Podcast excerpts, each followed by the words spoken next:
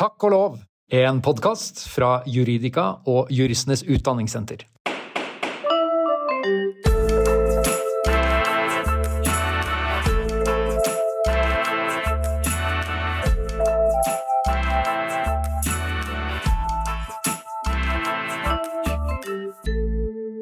Eh, hei, og hjertelig velkommen til nok en episode av Takk og lov, en podkast for deg som lurer på hvordan jussen, og kanskje også juristene, egentlig henger sammen. Og i dag skal vi endelig snakke om et tema som alle kan forstå, som alle har et forhold til, som angår oss alle, nemlig ferie. Eh, altså ikke ferie fra vår nyvunne årvåkenhet overfor EØS-retten, da. Den må jo med i eh, hver sesong, minst. Eh, også i arbeidsretten, som altså dekker retten til ferie.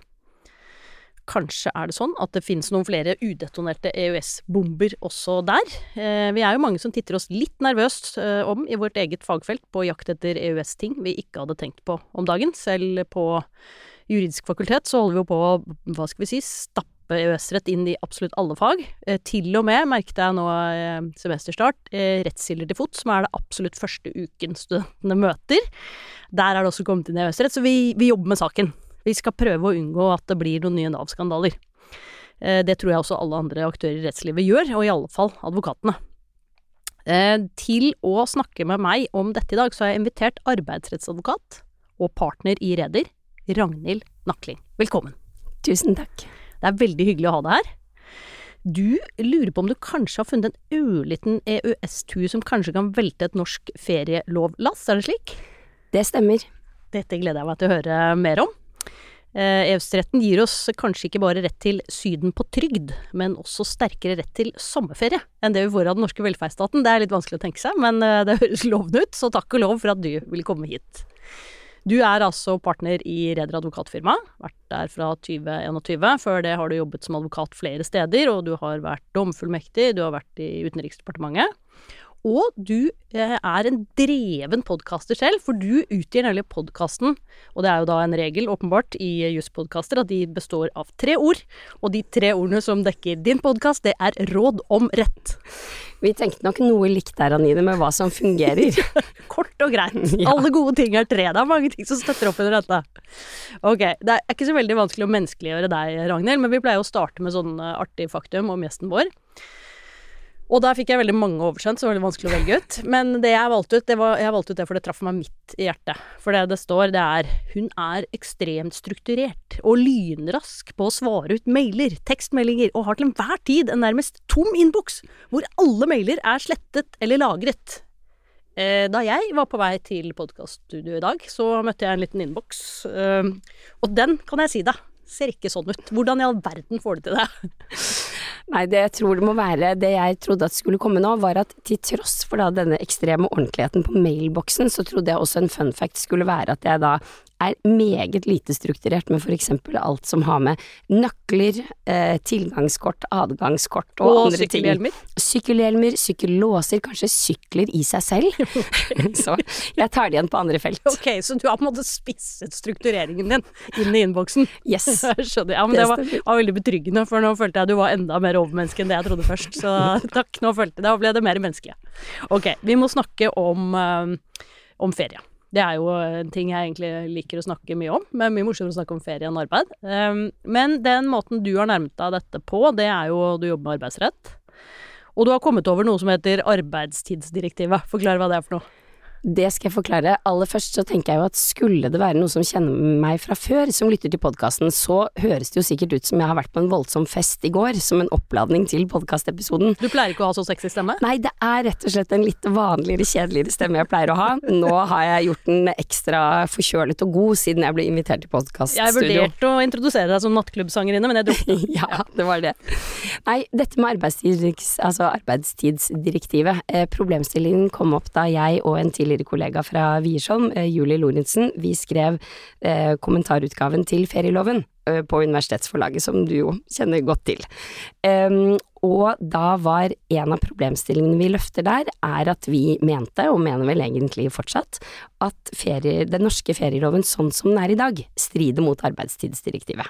Ok, hva, hvor begynte dette? Det var, dere skulle skrive en kommentarutgave om om ferieloven, rett og slett. så da blå- gravet dere ja. dere ned der, og, og- men arbeidstidsdirektivet hadde dere vært borti på en eller annen måte før, men plutselig så dukket det opp noe. Det gjorde det. um, og det dukket vel opp i samband med at man skulle se på Altså, um, som medlemmer av EØS så er jo Norge forpliktet til å ta inn alle rettsakter fra EØS, og følge, eller fra EU, og følge det eh, i norsk lov. Ja, selv det siste er jo viktig. Eh, absolutt. Og da er det jo både å følge det i praksis, men også da å sørge for at regelverket vårt overholder blant annet arbeidstidsdirektivet. Mm. Og man skulle jo kanskje ikke umiddelbart tro at noe som heter arbeidstidsdirektivet inneholder regler om ferie, men det gjør det. Ja, det har jeg skjønt, for jeg må melde inn sånn ferieting i en sånn app. Så jeg, det jeg trodde var fri, det har bare blitt mer arbeid. Ja. Det stemmer. Stemmer nok. Og da hvis man slår opp i det direktivet i artikkel 7, som faktisk har vært uendret helt siden det ble til, da i 1993, det ble fornyet og ja, gjort en god del endringer i 2003, men, Men det det, er du, du sier det er ikke noe nytt, det er ikke noe bombe. Nei, det er Nei. det definitivt ikke, så det er derfor kanskje egentlig dette med bombe Jeg er litt usikker på om det er så dekkende, fordi denne regelen i arbeidstidsdirektivet, som da, nå skal jeg jo si hva den inneholder, da, og det er jo Ja, det bygger opp spenningen. ja, det er det. At alle arbeidstakere har krav på fire ukers årlig betalt ferie, står det der. Ja. Og det skulle man jo da tro at Norge hadde gjennomført i norsk rett. Er ikke vi kjempegode på ferie? Jo, altså vi er jo veldig gode på så mye i Norge, da. Ja, altså, vi er Eh, jo best, si. Det er akkurat Ja. det. Alt henger sammen med alt, og vi, det er det. Og det er eh, Vi har eh, kontroll på veldig mye. Men eh, her er nok et av de punktene hvor eh, faktisk vi henger litt etter, og etter min mening da ikke har sørget for å implementere det, da. Men, men så jeg skjønner dette her. For eh, helt uavhengig av sånne direktiver, så har vi en ferielov i Norge. Ja. Og den gir i grunnen ganske Vi har ikke liksom veldig gode arbeidstidsbetingelser, gode feriebetingelser og alt det? Jo, det vil jeg si. Det har vi. Og da ferieloven ble vedtatt i 1988, så tror jeg, nå skal det sies at jeg og Julie Lorentzen tok ikke noe komparativt utsyn til hele verden, men vi var nå i hvert fall innom Sverige, Danmark Veldig i arbeid. Ja. Akkurat det. Vi utelot liksom 188 land og Ja. tok eh, bare et par. Men eh, vi har gode ferierettigheter i Norge, og gode arbeidstakerrettigheter, heldigvis. Men likevel så har vi da faktisk måttet endre ferieloven på et par punkter, nettopp fordi at EU-domstolen har lagt veldig stor vekt på retten til ferie, at den skal være reell, at du ikke skal ha mulighet til å avtale deg vekk fra den. Og er en sånn preseptorie, eller sånn på tvungen, liksom? Du Ja, kan ikke avtale deg vekk? Nei, det er det. Og det har gjort også at den norske ferieloven, som absolutt er god, og som fungerer godt, helt enig i det, som jeg tror departementet har sagt, eh, den har likevel mått, måttet endres da, på et par punkter, blant annet i 2008, 2014, og etter min mening så burde den jo snart endres litt igjen da. Ok, dette må, vi, eh, dette må vi komme tilbake til, men her er det altså en uoverensstemmelse mellom en EØS- eller en EU-regel og en norsk regel, sånn som du ser det. Hva Ja. går den uoverensstemmelsen ut på? Ja. Hvis vi da starter med arbeidstidsdirektivet, artikkel 7, så står det der da at, og jeg har jo skrevet det ned sånn at jeg skal kunne si det ordentlig, det står da i hvert fall på dansk at de skal, man skal sørge for at de får en årlig betalt ferie av minst fire ukers varighet, i overensstemmelse med de kriterier for oppnåelse og tildeling herav som er fastsatt i nasjonal lovgivning og eller praksis. Det er jo selvfølgelig en veldig lang formulering, men det man egentlig skal ha med seg er at alle arbeidstakere i Norge skal ha fire ukers årlig betalt ferie hvert år for at vi skal overholde denne regelen. Ja. Og det er sånn det da skal være. ja. Og hvordan er det i norsk rett? I norsk rett er det et veldig grunnleggende skille som går mellom retten til ferie, fritid, retten til å ha fri, ha ferie, Mm. og retten til ferie, penger. Altså det som skal dekke lønnsbortfallet ditt Ja. når du ikke er på jobb. For Ja. er du ikke på jobb, så skal du ikke ha lønn. Nei. Ganske selvsagt, men likevel litt Ja, krevende når man tenker på det. Fordi vi er jo vant til, vi som har jobbet i mange år, at ja ja, lønna kommer jo liksom inn på konto hele tida, den, og en Ja. gang i året heter det liksom feriepenger og var litt mer. Ja, eh, det, det oppsummerte du min innstilling til dette omtrent. Ja, enig? var det jeg så for meg, og den tror jeg egentlig de aller fleste har, og det er jo også noe av grunnen til at dette fungerer godt i praksis. Men nå vet jeg ikke med deg, Anine, men kan du huske første ferien din, da du begynte å jobbe? Husker du om du begynte å jobbe i august eller i januar, for eksempel? Det må jeg klare å huske. Jeg er ganske sikker på at jeg begynte å jobbe i oktober, for jeg var ferdig med en master på sommeren, og så tenkte jeg dette er den siste muligheten min til å øh, gå på jakt akkurat når jeg vil hele Ja. så jeg tror jeg begynte i slutten av oktober. Ja. Nettopp. Og da, da er det jo Det er ofte ganske lett å huske når man begynte å jobbe. Det er ikke sikkert du husker den første sommeren som kom like godt. Nei. Men på et eller annet vis så har du da enten hatt ferie og ikke fått noe særlig lønn, fordi du tjente bare opp feriepenger i oktober, november og desember det første året du jobbet. Akkurat. Det er fra Nå husker jeg det. det var, feriepengene er fra året før. Det er de. Ja. Og det er det som er det grunnleggende skillet i Norge, er at alle har rett på fire uker og én dags ferie hvert år i Norge. Men alle har ikke rett på betaling eller penger, eller liksom oh, noe som skal kompensere for lønnen. For Nei. det er feriepengene.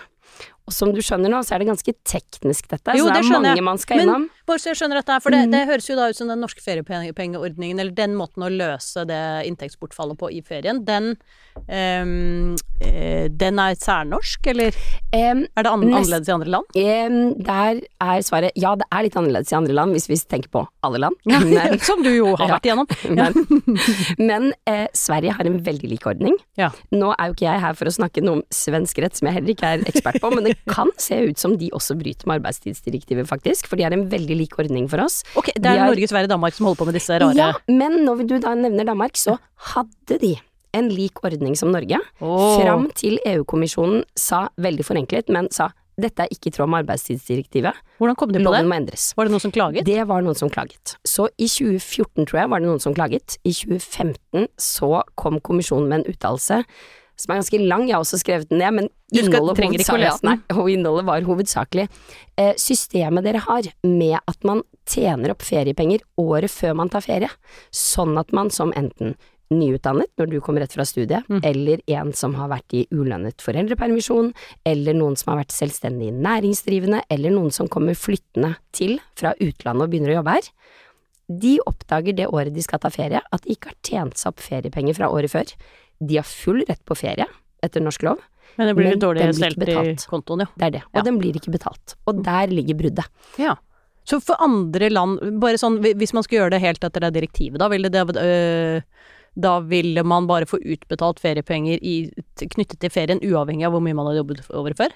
Egentlig. Altså her tror jeg nå øh, tror jeg at det er noen land som har et system hvor du på en måte får øh, Du får på en måte lønn tolv måneder i året. At, ja. Ja, det får, høres høres ganske rimelig ut.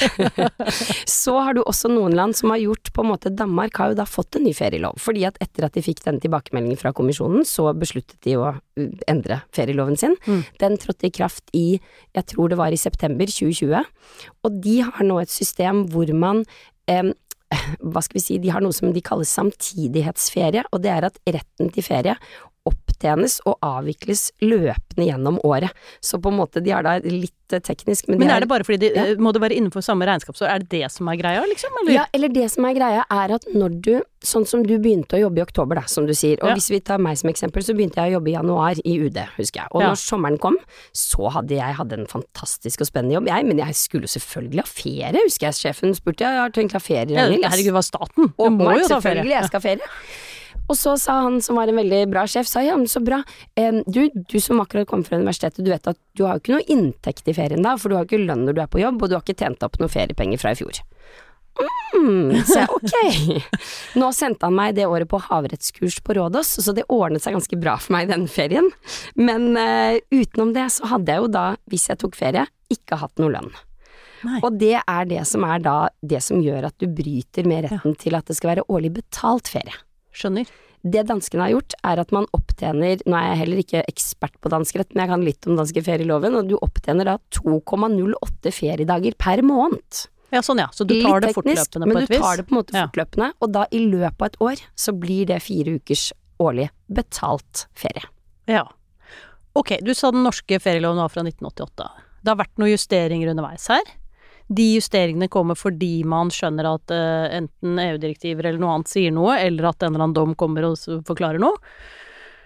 Hva er det som gjør at akkurat dette ikke er blitt fanget opp når et land som Danmark, som har nesten likt system som oss, får denne påpakningen? Er det bare man ikke følger med, det er så mye annet å følge med på, eller? Jeg, jeg, vet ikke helt, helt ærlig, fordi i 2008 så ble det gjennomført en del endringer i ferieloven. Tidligere så var det tillatt at hvis du ikke hadde fått avviklet all ferien du skulle, mm. så kunne du på en måte få i gåseøyne, nå sitter vi i studio og kan ikke vise, men i gåseøyne Nå lager hun sånne gåseøynetegn, kan jeg si da. Ja. da kunne du få utbetalt, da på en måte den ferien. Det vil egentlig bare si at du fikk tilbakebetalt lønn som var blitt trukket. Ja. Men uansett så sa EU-domstolen i en dom at dette er ikke lenger lov. Vi må sørge for at alle har ferie. Det er veldig viktig. Man skal ha fri hvile. Altså, jeg er veldig enig i dette. Ja. Jeg òg, tror jeg alle og da endret blant annet Norge loven på det punktet. Ja. Da vurderte jo faktisk departementet om eh, dette med at man eh, har feriepengeopptjening året før man avvikler ferie, så vurderte de er dette, bryter dette med forpliktelsene våre. Men de kom til at de ikke gjorde det. Nå er jo det snart 15 år siden. Mm. Eh, siden den gang så har ferieloven blitt endret igjen én gang før, i 2014. Eh, og jeg vet ikke helt hvorfor den ikke er blitt endret. Nå var eh, Julie Lorentzen og jeg var jo på en måte ute og sa dette i, det var vel slutten av 2019, tror jeg. Eh, og da oppfattet jeg i hvert fall den gang ikke departementet sånn at de var uenige med oss. Egentlig kanskje mer prioriteringer. Ja. Så gikk det jo et par måneder da, i mars 2020, det var vel omtrent da denne ja. podkasten begynte, så skjedde det jo ganske mange andre ting i Norge og resten av verden med koronapandemien. Ja. ja. Da ble så, det litt andre ting å konsentrere seg om, rett og slett. Så det kan være grunnen.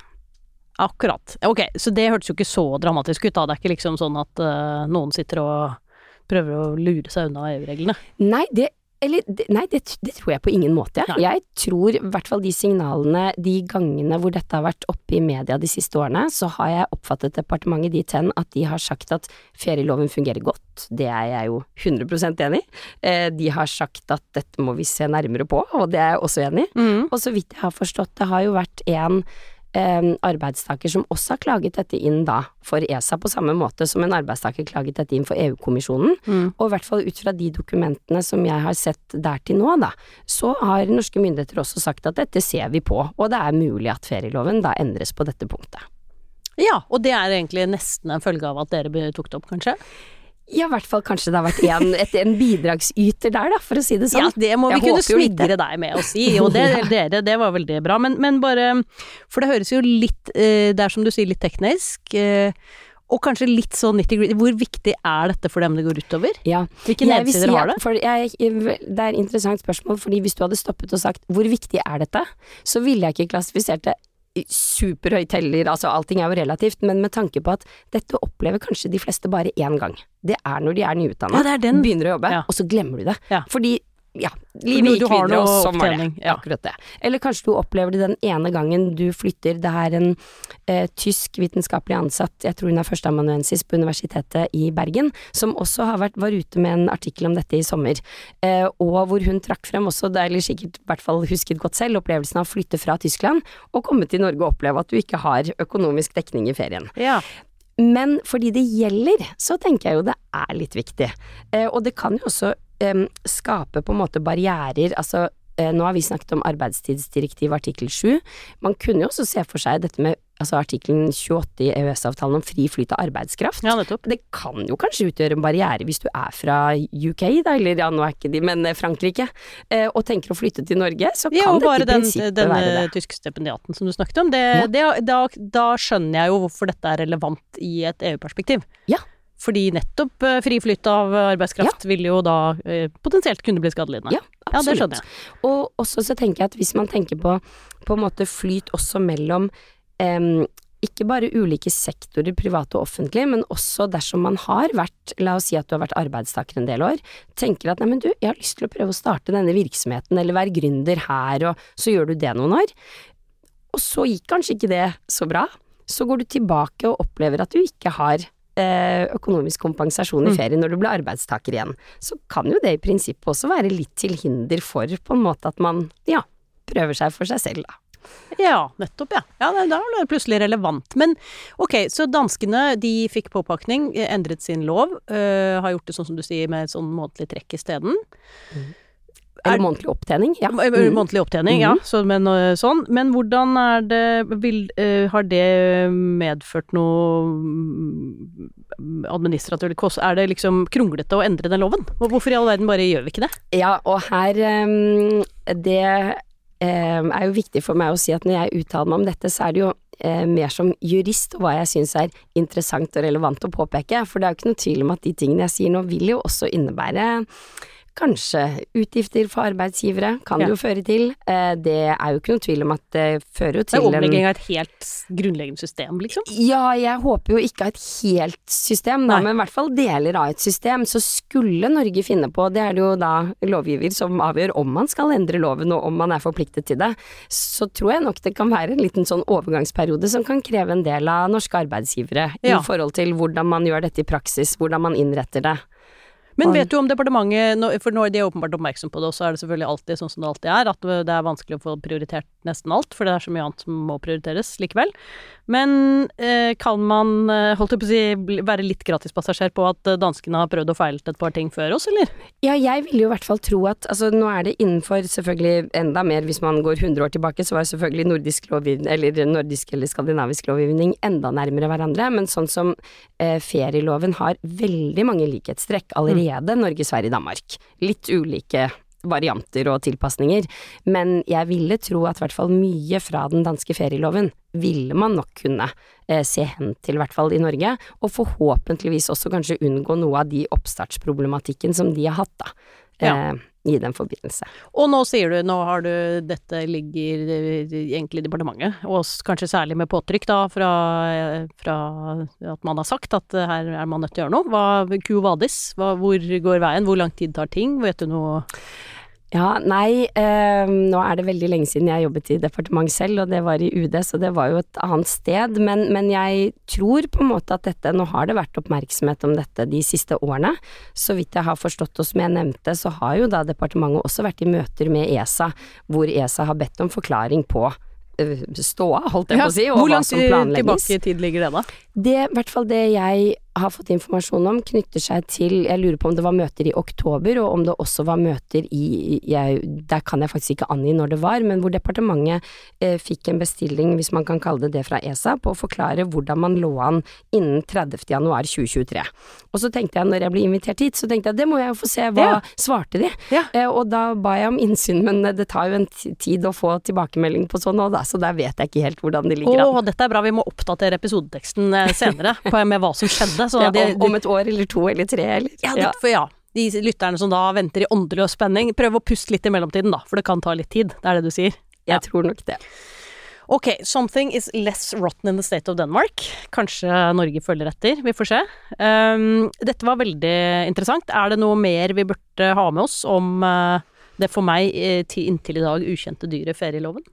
Jeg tenker at det ene man skal ha med seg, det er at eh, veldig lenge så har man nok sagt at ja, men dette er ikke et så stort problem, fordi at de som befinner seg i en situasjon hvor de ikke har råd til å ta ferien de har rett på, de kan nekte. De kan si nei takk, jeg vil ikke ta ferie. Ja, sånn, ja. Jamfør ferieloven paragraf 5 femte ledd. For den sier det at det her er det valgfrihet. Det var tilbake til det vi snakket om eh, innledningsvis, nemlig forskjellen på tvungne lover og valgfrie lover. Ja, og de, den sier at, eh, litt sånn forenklet, hvis du ikke har tjent opp nok feriepenger til å ta ferie, og du kommer til å gå i minus hvis du gjør det, så kan du si jeg behøver ikke avvikle ferien min.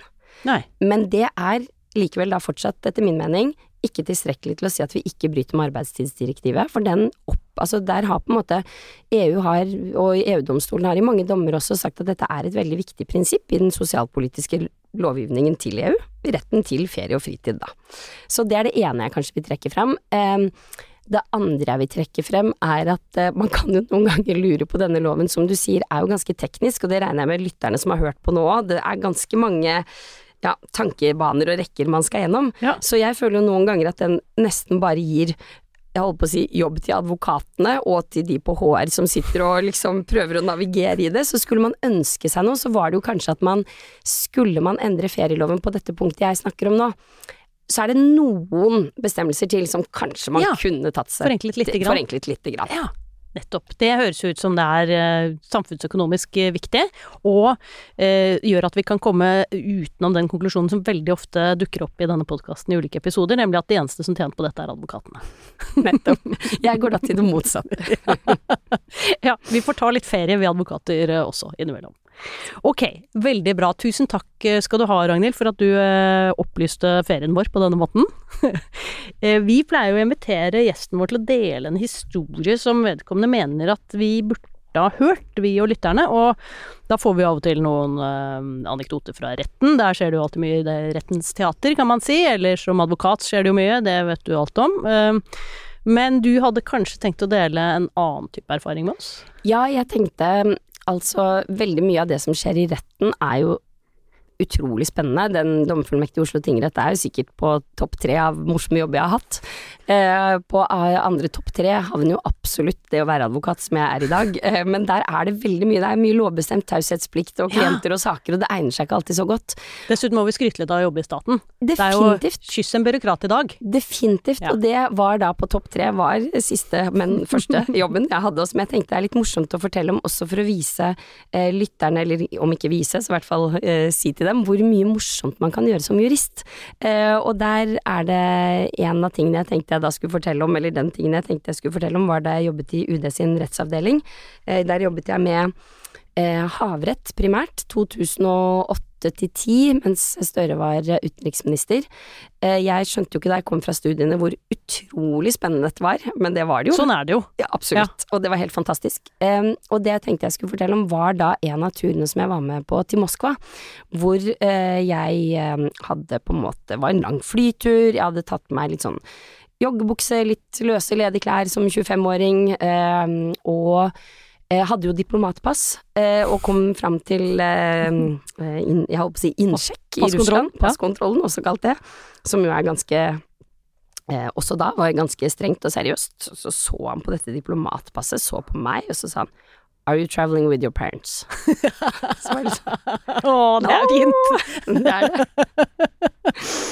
Så, og det andre fra den turen som også er litt morsomt å trekke frem, er jo da etter på en måte med ja, akkurat hva vi gjorde er jo ikke så Det er jo også mye lover eh, inne der, men eh, vi kjørte blant annet en god del i bil, hvor jeg først prøvde å tilby sjefen min den gode plassen, nemlig i før, ved siden av Ja, føreren. dette har jeg lært av de som jobber i UD, at der er det en rangordning, ja. Mm. Det var det. Den, jeg burde jo sikkert lytte til det etikettekurset jeg hadde vært på tidligere, men ikke hadde fått med meg alt. Jeg kan bare si til lytterne at eh, Ragnhild har på seg en utrolig fin rød blazer, men jeg har ikke sett om hun har røde sokker. Nei. Ja. Og jeg skjønte jo etter hvert at det var jeg som skulle sitte der, for sjefen skulle jo sitte mest beskyttet bak føreren. Mm.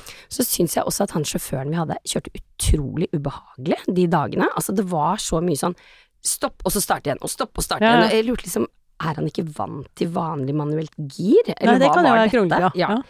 Men så ga det seg da, etter liksom et par dager, så husker jeg også sjefen min sa sånn, ja, merker du eh, hvordan det er og når du skal kjøre og på en måte hele tiden holde farten til bilen foran? For vi kjørte jo da i sånn kortesje, så det var jo om å gjøre å ikke miste bilen foran, Ah, ja. og hele tiden da liksom gasse på for å følge med, ja. eller liksom stoppe veldig brått, Ja. for ikke at det skulle komme bil imellom. Akkurat. Så det var da kanskje ikke så mye om akkurat sånn juristarbeid, men mye av det som arbeidet som jurist da, kan bringe deg ut i. Har du hørt hvor mye rart du kan oppleve som jurist i departementene, i passkontrollen og i kortesjer? Nettopp.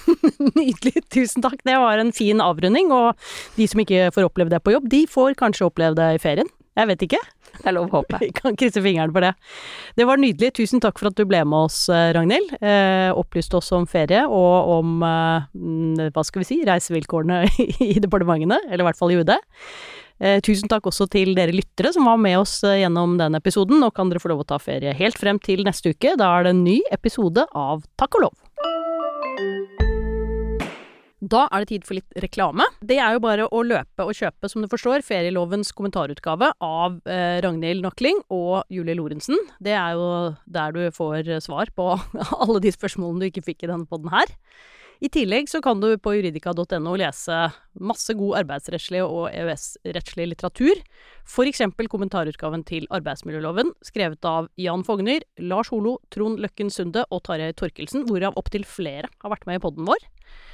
Og boken Oversikt over EØS-retten av Finn Arnesen, Simen Hammersvik, Erling Hjelmeng, Olav Kolstad og Ole Andreas Rognstad eh, ligger også tilgjengelig for alle med tilgang. Ta en titt på dette om du har lyst til å lære enda mer om dagens tema.